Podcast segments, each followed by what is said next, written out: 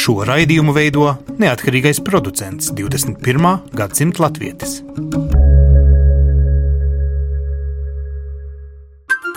Lai kur mēs būtu, Lai kur mēs būtu, Lai kur mēs būtu, Lai kur mēs būtu, Tie esam mēs. tie esam mēs. mēs. Tie esam mēs. Mēs, tas ir par mums. Tas ir par mums. tas ir par mums. Sveicināti raidījumā 21. gadsimta latvietis. Šim vajadzētu būt vienam no skanīgākajiem raidījumiem, ne tikai tāpēc, ka virsdiriģenti ir mūsu viesņa Inga un Grietiņa dārziņa. Jūs esat Eiropas Latviešu apvienības kultūras referente, jūs esat uh, Eiropas koru virsdiriģenti, jūs esat uh, tā, kura virza šo dziesmu svētku kustību, lai tā atvirzītos uh, jūlijā, nu tajā, nu tajā mirklī, nu jums pašai, kā arī koru tradīcijas uzturētājai. Tas ir tas svētsvinīgākais mirklis, uz kuru ir vērts tiekties te vai visu dzīvi? Sveicināti! Jā, protams, un šīs te ik piecu gadu cikls, tas ir mūsu tāds tā kā kulminācijas posms, kad nu visi pasaules latvieši ir sakoncentrējušies, nu tā, man ir jāiet dziedāt korī, man ir jāiet dancot. Tātad Tāpēc... viens otrs varbūt tos piecus gadus pat ir izlaidis, un tagad, nu, kad ir tas gads, tad ir jāpiedalās obligāti. Tāpēc mēs tagad esam izdomājuši ļoti interesantu to darbības procesu. Piemēram, divus gadus pēc kārtas mēs tagad rīkojam reģionālos kultūras svētkus Eiropā.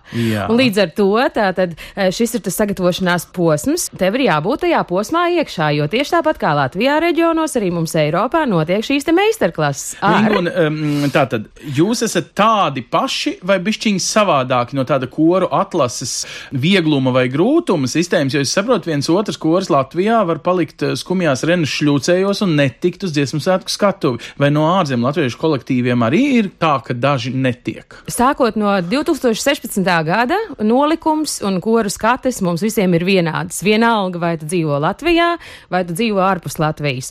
Un punktu sistēma un absolūti viss ir pielāgots. Mēs esam kopā strādājuši ar Latvijas Nacionālo kultūras centru un kultūras ministriju, lai šo procesu pēc iespējas draudzīgāku un godīgāku padarītu pret visiem, gan dziedātājiem, gan dancotājiem, lai izbēgtu no šī te tevis minētā, Nu. kāpēc es, piemēram, no Neretas nevaru tikt, bet eh, no Dublinas es tieku Nu, ar to pašu es, es būtībā skaitu. kā žurnālists atzīstos, es pēdējos dziesmu svētkos arī bišķiņ kritizēju, nu, ka ir tā, ka ir tādas, varētu teikt, ja ne sētas durvis, tad tādas vieglāk vērāmas durvis dziesmu svētkos diasporai. Tagad viņas ir vienlīdz grūtas, vai es esmu no Ainažiem vai no, no Dublinas. Pilnīgi pareizi, Anstēt, ir absolūti vienāds process visiem. Tāpatās mēs dziedājām pagājušajā gadā skates, dejošanas kolektīvi arī pagājušā gadā dejoja skates pēc vienādā nolikuma, kā jau es teicu, un vienādās punktu sistēmas, tāda pati kā ir Latvijas deju kopā. Un mēs esam ļoti tuvu tam uh, izšķirošajam 15. aprīlim, kad visiem ir jābūt iesūtījušiem video. Tātad uh, atšķirība ir tāda, ka vienu otru noklausīs iekš, iekš video, un viņš skatē var, teiksim, video var ierakstīt desmit reizes, skatē var dziedāt tikai vienu reizi, nu, klātienē. Es domāju, tādā ziņā, kā, nu, kā ir jāatsūta uz Rīgu video, kurš varbūt tiešām ir simts reizes dzied, kamēr uh, izdzied vislabāk par visiem. Nu, es nezinu, vai, piemēram, tu trīs dziesmas pēc kārtas, kuras chronometrāža ir apmēram desmit minūtes, vai tu varēsi nodziedāt viņus vairāk par trīs reizēm. Jā? Tā tad ir nosacījums, ka šim te video ierakstam ir jābūt vienā gabalā. Tas nozīmē, ka tu nedrīkst pārdziedāt, teiksim, vienu frāzi, tev nesanāca, nu sākam no sākuma. Pārmontē, kā teikt. jā. Pārmontēt tu nedrīkst, jā, tāpēc eh, es saku, tie noteikumi tiek pielīdzināti, lai būtu godīgi pret visiem dalībniekiem, kas ir šos piecus gadus ļoti apzinīgi gatavojušies procesam ne tikai Latvijā, bet arī ārpus Latvijas. Un tas, Nu, Latvijā un ārpus Latvijas. Es gribētu pieķerties pie praktiskās daļas tagad. Nu, es zinu, ka visām pašvaldībām tā ir goda lieta.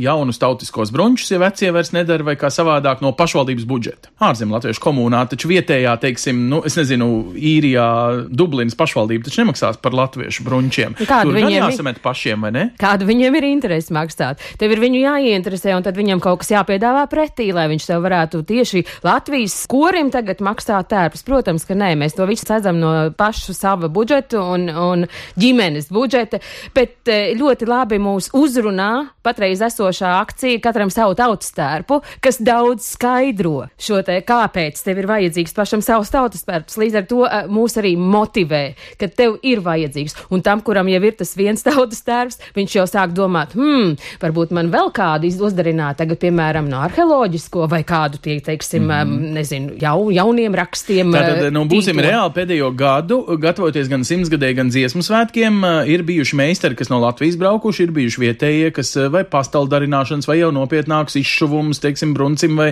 kādam ņieburu vai kaut ko. Nu, tur ļoti nopietni gatavošanās ir bijusi. Ja paseko, teiksim, pasaules latviešu komūnu mājaslapām, tur, principā, sestdienas svētdienas ir uh, ar adatām rokās. Pilnīgi pareizi. Un šeit atkal ir jāpiemina, tas ir tikai tāpēc, ka piedāvājums ir nācis no, no Latvijas Nacionālā kultūras centra, un mēs šo iespēju vienkārši nevaram neizmantot, jo tā ir tik burvīga, un mēs paši savām rokām varam darināt. Mums piedāvā meistarus, mums ir meistaru liste, ko mēs varam izvēlēties. Fantastiski, ko vēl vairāk, tikai ņem un dari. Jā, nu tā tad meistari brauc no Latvijas vai ir arī vietējie? Nu, īrija un Vācija, nu tas tā, kā saka, divu stundu lidojums nav problēma, vai ne? Līdz Liepājai citreiz autobusu ilgāk iet. Visur pasaulē latviešu komunām viņas ir tik pieejamas šīs it kā atbalsta iespējas no Latvijas.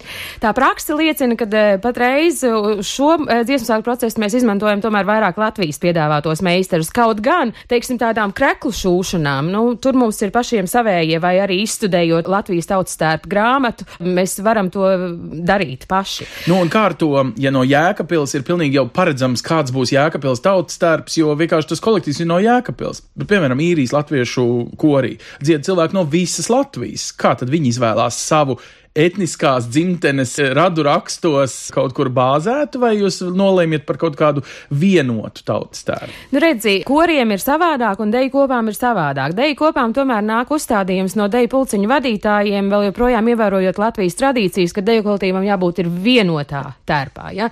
Līdz ar to deju pulciņiem ir vienotais tērps, nu, tas ir pēc katra pulciņa izvēles. Tur ir balsošanas metode. Kaut kā nobalso, Pilnīgi, kādā tērpā tad terps ir. Pilnīgi taisnība. Savukārt koriem nu, kuriem ir lielāka izvēles iespēja. Protams, mēs katrs izvēlamies sava novada, sava, savu sakņu novada tautas tērpu, un tā ir tāda ierasta prakse, kāpēc mēs arī gājienā, teiksim, ārvalstu kopas mēs redzam ļoti, ļoti krāsainas. Nu, un nu, šeit ir arī raibākas, atbilde.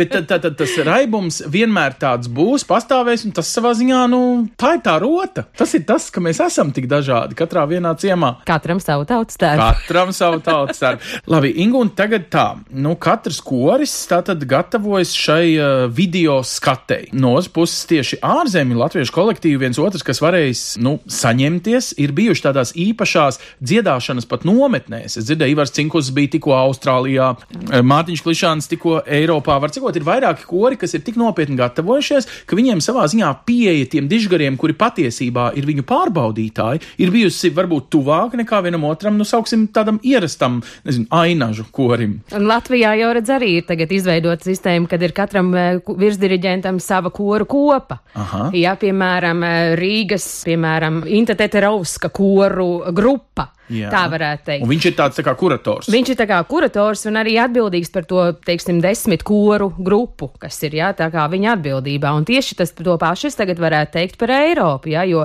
piemēram, nu pat uh, reģionālo kultūras svētku Eiropā ietveros, teiksim, Britu salās, kas notika īrijā, Airbirziņa bija atbraukus pie mums, lai veselu dienu strādātu tieši ar mūsu īrijas un Lielbritānijas koru grupām. Ziemeļ e, Eiropā Insteterovskis un Agita Ikaunietis bija atbraukusi un arī Jānis Jānis Purviņš savukārt ar deju kopām. Nu, pat Nīderlandē februārī Jā. notikušajos svētkos vidus Eiropā savukārt bija pie mums ciemos Kaspars Ādamsons, nevis ciemos, bet tā kārtīgi strādāja arī ar šo te dziesmu svētku repertāru. Tādējādi mēs arī iegūstam šo te pieredzi un to e, ziņu no Latvijas, un tāpēc ir tik ļoti svarīgi arī pulcēt Eiropā šos te cilvēkus kopā attiecīgajā reģionā. Un nu jau kopā pa šiem četriem svētkiem, kur pēdējie noslēgumā būs tagad aprīlī Turcijā, mēs būsim kopā apvienojuši ap aptuveni 1300 dalībniekus šajos četros reģionālajos svētkos, kas ir gandrīz 33, baidos tagad samelot mm. to precīzo ciparu, bet 33, 34 kopas Kolektīvi. no, kopas no Eiropas, un dziesmu svētkos kopsumā piedalās 59 mākslinieckās kopas no Eiropas, kas arī ietver sevi uh, gan gan teātra pulciņus, gan folkloras kopas, gan arī tādus pulciņus, kas nepiedalās skatē, kas danco, piemēram, vai dzied vērmanas dārzā. Mhm. Bet tas nenozīmē, ka viņi kaut kā nu, nepiedalās visā tajā kustībā. Viņiem vienkārši nu, tas ļoti bieži, es saprotu, ir saistīts gal galā, nu, cik var izbraukāt, cik ir brīvā laika un arī naudas? Tieši tā, protams, tas ir katra individuālā izvēle. Vairāk es gan teiktu pulciņu vadītāja izvēle, jo pulciņu vadītājs jau tas ir tas, kurš motivē un saka, uz, ka, kas mums ir nepieciešams un kādu līmeni mēs gribam sasniegt. Ja, Jā, jo... un, un, un tas, nu, līdzīgi kā draudzē, teiksim, pulciņu vadītājs, ja nu, mācītājs draudzē, tiek pieņemts darbā par draudzes līdzekļiem, tātad par nu, pašu samestu kolekti. Es atvainojos par salīdzinājumu, bet viens kārtīgs diriģents kāda Latvijas reģiona kultūras namā saņem algu par kora uzturēšanu. Nu, teiksim, ārzem latviešu kopā tā nav alga, tā ir tikai paldies, vai ne? Tas ir brīvprātīgais darbs, kā mēs nu, vairāk kārt jau ir izskanējušis, ka latvieši to, ko dara ārpus Latvijas, tas viss ir tikai un vienīgi brīvprātīgais darbs un savu ģimeņu budžeta ieguldījums. Bet, ja mums tas nepatiktu, mēs to nedarītu. Mums to patīk darīt. Cik ilgi mēs to darīsim? Vieni un tie paši cilvēki nāks jauni. Ingūna, nu, pagaidi, pagaidi, paga, kā cik ilgi? Es pateiktu tā, man ir radies iespējas, ka tas ir ģeometriskā progresijā ne tikai latviešu daudzums ārpus Latvijas, kas dzīvo, bet arī koru daudzums. Arī visu šo kolektīvu, nu, var teikt, pie katras eglītes, nu jau Rietumē Eiropā ir kāds latviešu,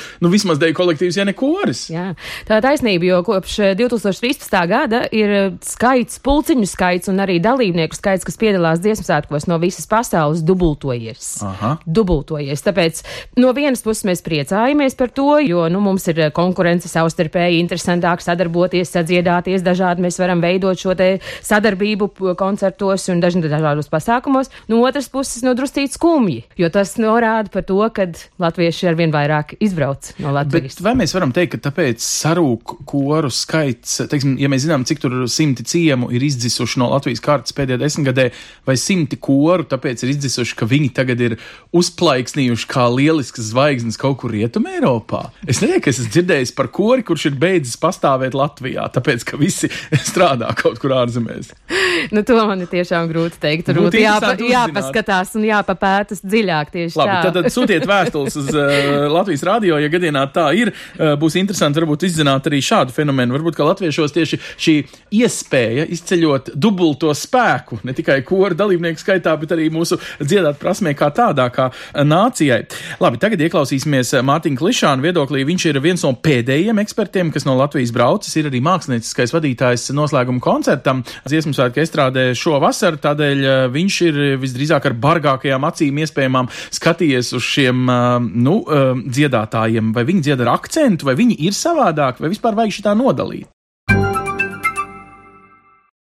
Nesen viesojos Toronto un man bija iespēja trīs dienas strādāt ar uh, Amerikas kontinentu dziedātājiem. Tas vilinājums un tā simtgads uh, sajūta ir tik stipra viņos, ka viņi tiešām pieliek ļoti liels pūles, lai šo repertuāru apgūtu un apgūtu viņu labi. Un es domāju arī, ka tā sistēma un tās iespējas startēt uh, A un B grupas sarežģītības pakāpēs arī vēl jau vairāk nodrošina to sajūtu, ka līdzi netikšanas diez vai ir sagaidāmas. Un tas apliecinājums tam, teiksim, man esot Toronto, es pārliecinājos, ka šis koris, kas bija apmēram 130 cilvēku, 130 dziedātāji, kur bija dziedātāji gan no Kanādas, gan no Amerikas visām malām, ka viņi ir uh, apguvuši faktiski visu repertuāru, ne tikai B grupas uh, grūtības pakāpes dziesmas, bet, bet visu repertuāru. Nu, ir, ir, protams, kaut kādas problēmas, kā jau katrā pašdarbības kolektīvā, vai tas būtu kāds vokāls nianses problēmas, vai tās būtu intonācijas, tāds, nu, ja tā mēs tādā dziļāk specifikā raugāmies, bet, bet uh, ar šādām pašām problēmām mēs jau sastopamies arī šeit uz vietas, un, un mēs jau arī esam ļoti dažādi. Nu, tas, tas noteikti tas lielākais labums ir tas, ka nu, gal galā tā emocionālā puse un tā kopā būšana un, un, un Latvijas simtgadus svinēšana nu, droši vien nav tas mazsvarīgākais faktors, ja mēs tādā diasporas kontekstā par to runājam. Tā kā tas arī ir ļoti, ļoti svarīgi tādā nācijas vienotības uh, nostiprināšanā un, un, un tas ļoti noteikti ir liels dopings savukārt diasporas cilvēkiem, īpaši, ja mēs runājam par Amerikas pusi, tie nav nesen izbraukuši cilvēki, tās ir jau vismaz jau trīs paudzes. Ja mēs kādā trešā paudze saskatām cilvēkus, kas, kas ir spējīgi un ar mieru un ar lielu atdevi kopt to latvietību un latviešu tradīcijas un dziedāt un gatavoties, es domāju, ka tas ir ļoti svarīgs fakts.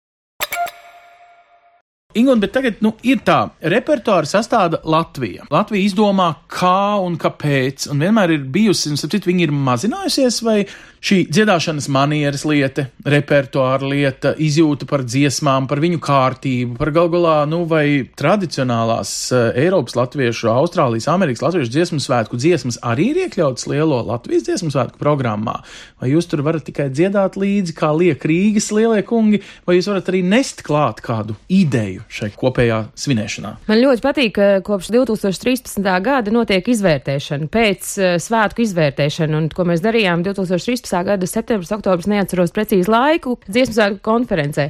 Un līdz ar to mēs varam dabūt šo atgrieznisko saiti, kas ir izdevies ļoti labi un kas ir izdevies slikti. Un tāpēc no šīs te 13. gada konferences man patikušas ir divas idejas. Pirmā ideja ir tā, ka tika uzklausīts eh, Eiropas Latviešu apvienības ieteikums izveidot diasporas kolāžu, lai visi diasporas, piemēram, deju pulciņi var tikt Daugavas stadionā dancot. Un uh, saved to mājās pie Daugavas krastiem šogad šajos svētkos jūs varēsiet redzēt tikai un vienīgi pasaules latviešu deju kopu izpildījumā. Tas ir viens. Otrs punkts e, ir priecē tas, ka, jā, arī dziesmu svētku repertuārā ir iekļautas ārzem latviešu dziesma, e, tālivalža ķeniņa mm. dziesma, un ņemts vērā tāds ieteikums, tas nenāca tikai no mums, bet tas nāca arī no visiem citiem diriģentiem e, Latvijā, samazināt, protams, chronometrāžu koncertam. Un tas viss ir noticis tādā kopdarbā, kas priecē, un visi saliekot galvas kopā šajā izvērtēšanā un tālāk arī kopdarbā no 13. līdz 18. gadam, ir izcili rezultāti. Un viens no labākajiem rezultātiem, kas manī ir tā visu laiku, no 2008. gada man bija tāds sapnis - izveidot pasaules latviešu dienu. Un neatlaidīgi ar šo te ideju ejot uz priekšu un sapņojot, nu kā tas varētu izvērsties un vai tas tiešām būtu Latvijā iespējams. Un uzklausot savu kolēģi Latvijā tādus pārmetumus, nu, nu kāpēc būtu latviešiem jāatbraucot no ārzemēm, jāsadziedās ar Latvijas latviešiem. Vēlreizāk sakot, kāpēc būtu jāsadziedās savā starpā vai jāsadējojās. Mm. Taču jāsadarbojās ar Latviju. Un tad šoreiz eh, man tas ir izdevies un, un pārliecināt. Un... Šoreiz tā tad tev ir izdevies nosvinēt īpašā dienā, bet tā tieši nesnāk nošķirtība. Nu, tā sadalot atsevišķu dienu. Tā nesanāk atšķirtība, jo tas ir tāds mūsu kopā sanākšanas diena, kura sākās jau desmitos no rīta Latviešu biedrības namā ar konferenci Latviešu pasaulē piederīgi Latvijai, kura šoreiz mēs runāsim tieši par dziesmu svētku tēmu, izskatīsim gan dažādas priekšlasījumus, kas ir pētnieciski veidoti gan Latvijā, gan no Latvijas dziesmu svētku tradīciju kustības, gan arī ārpus Latvijas, un pēc tam kopīgā diskusijā diskutēsim par aktuālām tēmām, kā tad mēs tālāk gribam redzēt šo dziesmu svētku kustību turpinājumu. Tur tas mēģinājums ir tieši savīt kopā šīs divas, varētu teikt, paralēlās kustības. Nu, ja tā drīkst teikt, tad, tad kad Latvija bija okupēta, nu, būtībā nejauši izveidojās divas paralēlas kustības, varbūt pat vairākas. Varētu teikt, Austrālijas latviešu dziesmu svētku, un Amerikas latviešu un Eiropas latviešu dziesmu svētku. Tagad mērķis ir savīt to kopā. Tā kopā būšana ir varbūt tieši tas četras dažādas versijas vai variācijas, ir tas nācijas spēks. Tieši tā, tas būtu tikai likumsakarīgi man tā šķiet. Jo nu, mēs esam visi latvieši, nu, mēs darbojamies visi viena mērķa labā, tad kāpēc mums būtu jāiet dažādi ceļi? Ejam to vienu ceļu. Un to vienu ceļu mēs e, pirmo tagad uzbūvējām Pasaules Latviešu dienas koncertā, kurš būs no trijām daļām - deju daļa, folkloras daļa un koru daļa, kuru lielākoties mēs tiešām arī izmantojam repertuārā ārpus Latvijas tapušos darbus, jau sākot no 47. gada. Tātad tas būs tāds pirmais solis. Mēs varam, mēs darām visi kopā. Un kāpēc? Tātad dziesmu ne? svētku nedēļas pirmajā, faktiski lielajā dienā pēc no šī atklāšanas gājiena. Tā būs tā diena. Tā būs tā diena. Tieši tā, 2. jūlijā, pulkstens desmitos ir sākums konferencei, pulkstens sešos ir sākums koncertam. Tas viss uh, māmuļā turklāt vēl, jā, tādā simboliskā vietā. Pa koncertā mums ir pieteikušies 1300 dalībnieki. Un tāpēc mēs domājam, ka mums būs šīs te telpas māmuļā māmuļus uz kādu brīdi, uz koncerta brīdi jāatstāj un jāizmanto da- kāda cita, varbūt atklāta estrāde, varbūt druscīt lielāka. Un tad jāatgriežās atpakaļ māmuļā uz dančiem, visi laipni aicināti uz ārpus Latvijas folkloras kopu uh, dančiem vadītajiem. Labi, lai kā tur būs, tā īpašā diena, 2. jūlijas, ir jāpiefiksē no visiem, kuri vēlētos, piemēram, arī izprast pašu tradīciju. Mēs varam teikt, ka dziesmu svētku tradīcijai kā tādai ļoti daudz ko ir devis tas fakts, ka viņa bez tā komunismu uzslāņojuma ir dzīvojusi šos 50 gadus ārā no Latvijas. Vai ir kāda tradīcija, kas ir ievesta šeit iekšā, pārmantojusies, vai šie kolektīvi atbrauc vienkārši kā vienlīdzīga daļa, kā īpaši, kā, kā ir tā sajūta? Nu, mans raidījums arī it kā atsevišķi radīts ārzemēs dzīvojušiem latviešiem. Tātad mēs jau pēc būtības kaut ko gribam nodalīt. Dziesmu svētkiem izdodas nodalīt vai savienot pēc būtības.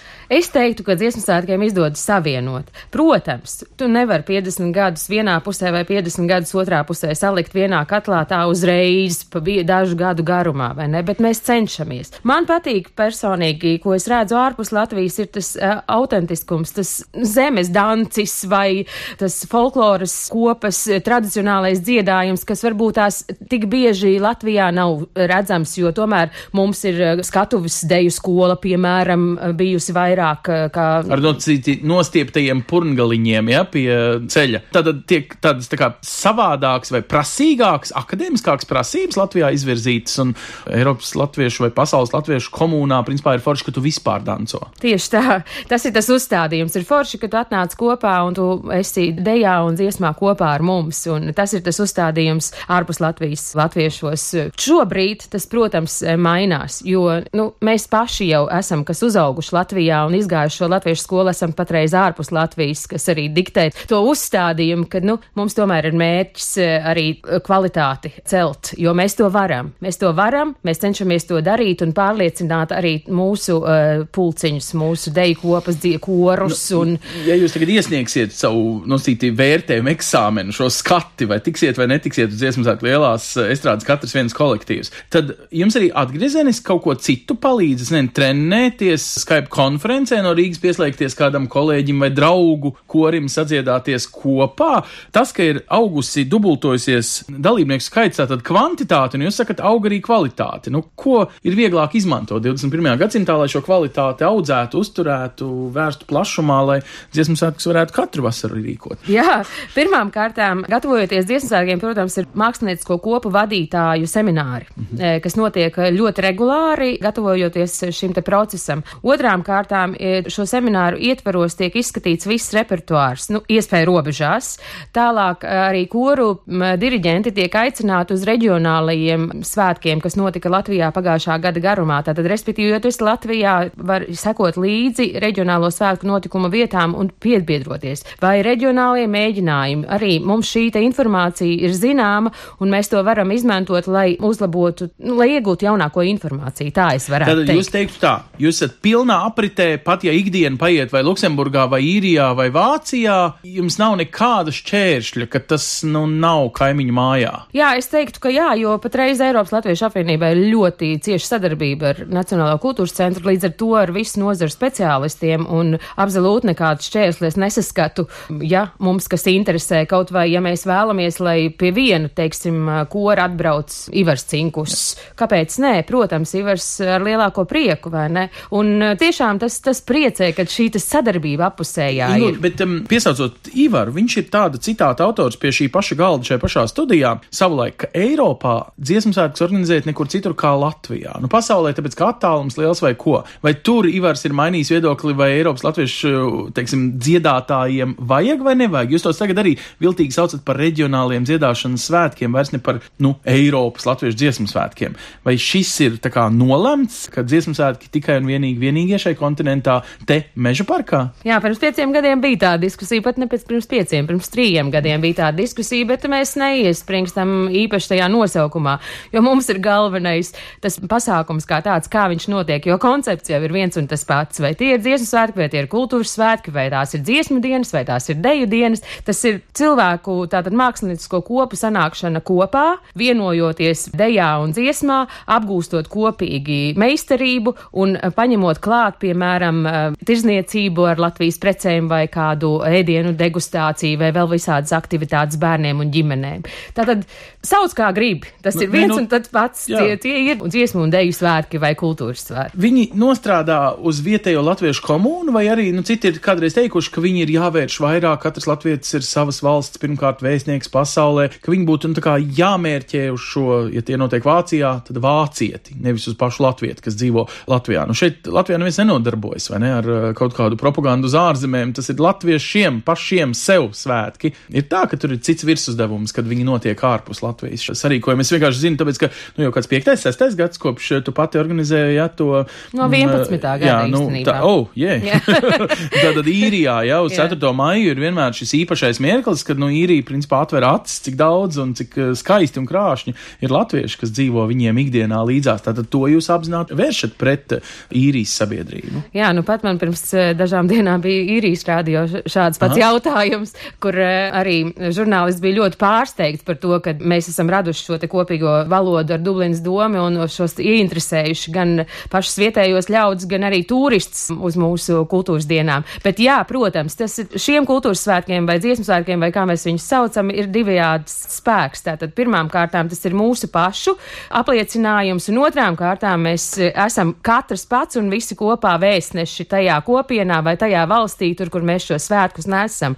Pat tikko nāk atmiņā arī Rozendāla, Nīderlandē, ja, kur uz abiem koncertiem, gan koru, gan deju koncertu bija pārpildīta zāle ar nīderlandiešiem. Tas pats bija Zviedrijā un, eh, nu, Dublinā, bet tas bija tāpēc vecpilsētā. Nu, tur bija gan turisti, gan īri, ja. Kas ir tas fenomens, kas viņus interesē? Tie krāšņie tērpi, viņi iet garām un izdzird, vai viņi pērk biļetes jau mēnešiem uz priekšu, un viņiem tur ir jābūt, jo tas ir kaut kas, kas nav mūsu tautai. Protams, tad, kad viņi to redz, tie ir tērpi. Pirmām kārtām tā ir mūsu reklāma, kā mēs to reklamējam. Mēs ļoti bieži, protams, izmantojam savus mm, sižetus no Eiropas Latviešu kultūras svētkiem 2015. gadā, kur uh, ir tādi mazi ieskats, vai, kā notiek šie svētki, un tādējādi ieinteresējam vietējo publiku. Un plus vēl, kas bija liels plus mums šajā periodā no 17. un 18. gadā, tā ir Latvijas simtgada, kur mēs ejam atkal un savu valsti cildinām, jo, jo mums tuvojās jubileja. Tad sanāk, ka jūs tādā veidā caur šo dziedāšanu būtībā nu, padarat skaļāku to simts gadi, kura, kā zināms, vēl 14 valstīm Eiropā arī ir simts gadi, jo viņiem arī izdevās piedzimt tieši pirms simts gadiem. Tādā ziņā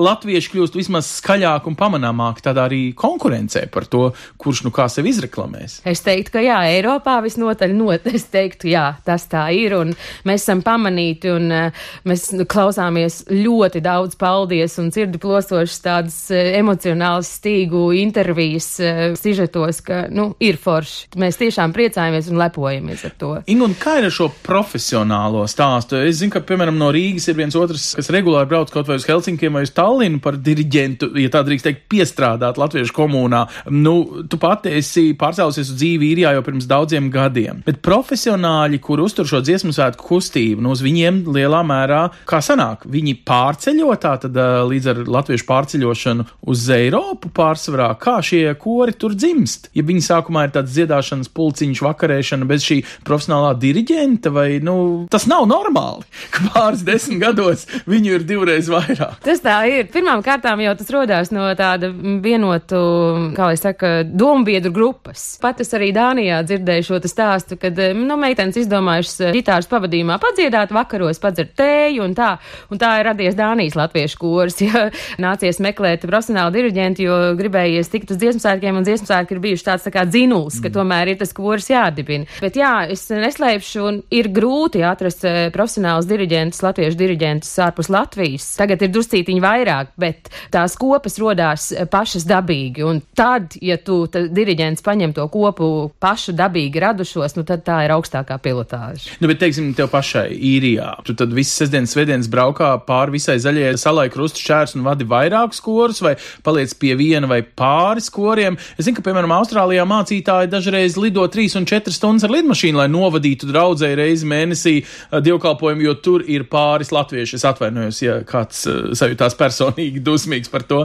Bet, nu, tas ir tāds zināms fenomens, tātad tas uztais gan lielu naudu, gan tādu, nu, es teikšu, ļoti augstu altāri, uz kuru ziedot to savu brīvo laiku. Protams, braukājot pa reģioniem, to ieinteresē cilvēkus un stāst viņiem par šo kustību, un ka tev redz, ir iespēja, piemēram, atbraukt uz Dublinu. Es pati to pagājušajā gadā iesāku veidojot reģionālos mēģinājumus e, savam korim LV. Vienreiz mēnesī, visas dienas garumā, mēs sabraucam kopā no četriem e, īrijas reģioniem, četrām pilsētām reģioniem.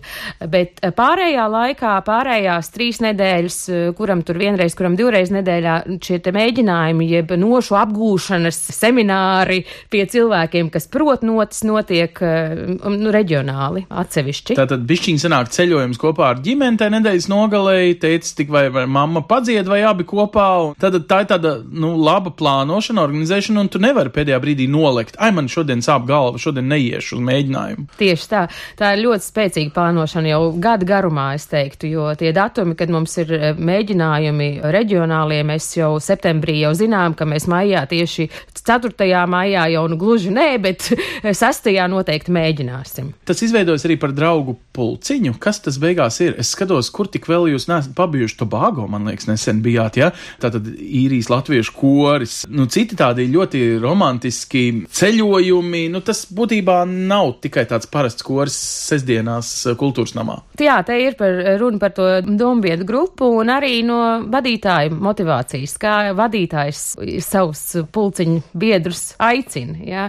Un man pašai ļoti patīk un vienmēr ir pietrūcis šī ceļojuma garša, un eh, tāpēc eh, uzsākot savu aktīvo darbību 2006. gadā īrijas latviešu vidū, man gribējās redzēt, kā to dara latvieši ārpus Latvijas, un līdz ar to šie braucieni sāka veidoties viens pēc otra pilnīgi organiski, izpētot eh, latviešu kopienas ārpus mm, īrijas robežām. Šis ir lieliskākais mirklis, kad visiem trīc sirds, vai visi jau ir nu tik gatavi braukt tā kā tā, un biļetes ir sapirktas, eh, dzīvošana Rīgā ir sarezervēta, ka nu, šis dziesmu svētku mirklis, pat ja kādam neizdodas izturēt skati, vai kaut kāds cits, ka netiek uz lielās skatuves, dziesmu svētki jau notiks nedēļu. Tātad uz vienas vai otras skatuves un to dziedāšanas prieku jau gūt varēs visi. Vai ir tā, ka, ja dubultojas koru skaits, tad dubultosies, ja ne trīskāršosies, desmitkāršosies šis ārzemju latviešu apmeklētāju skaits vasarā uz Latvijas simtsgadi? Nu, tas ir likumsakarīgi, protams, kad mēs būsim daudz vairāk nekā jūs redzējāt 2013.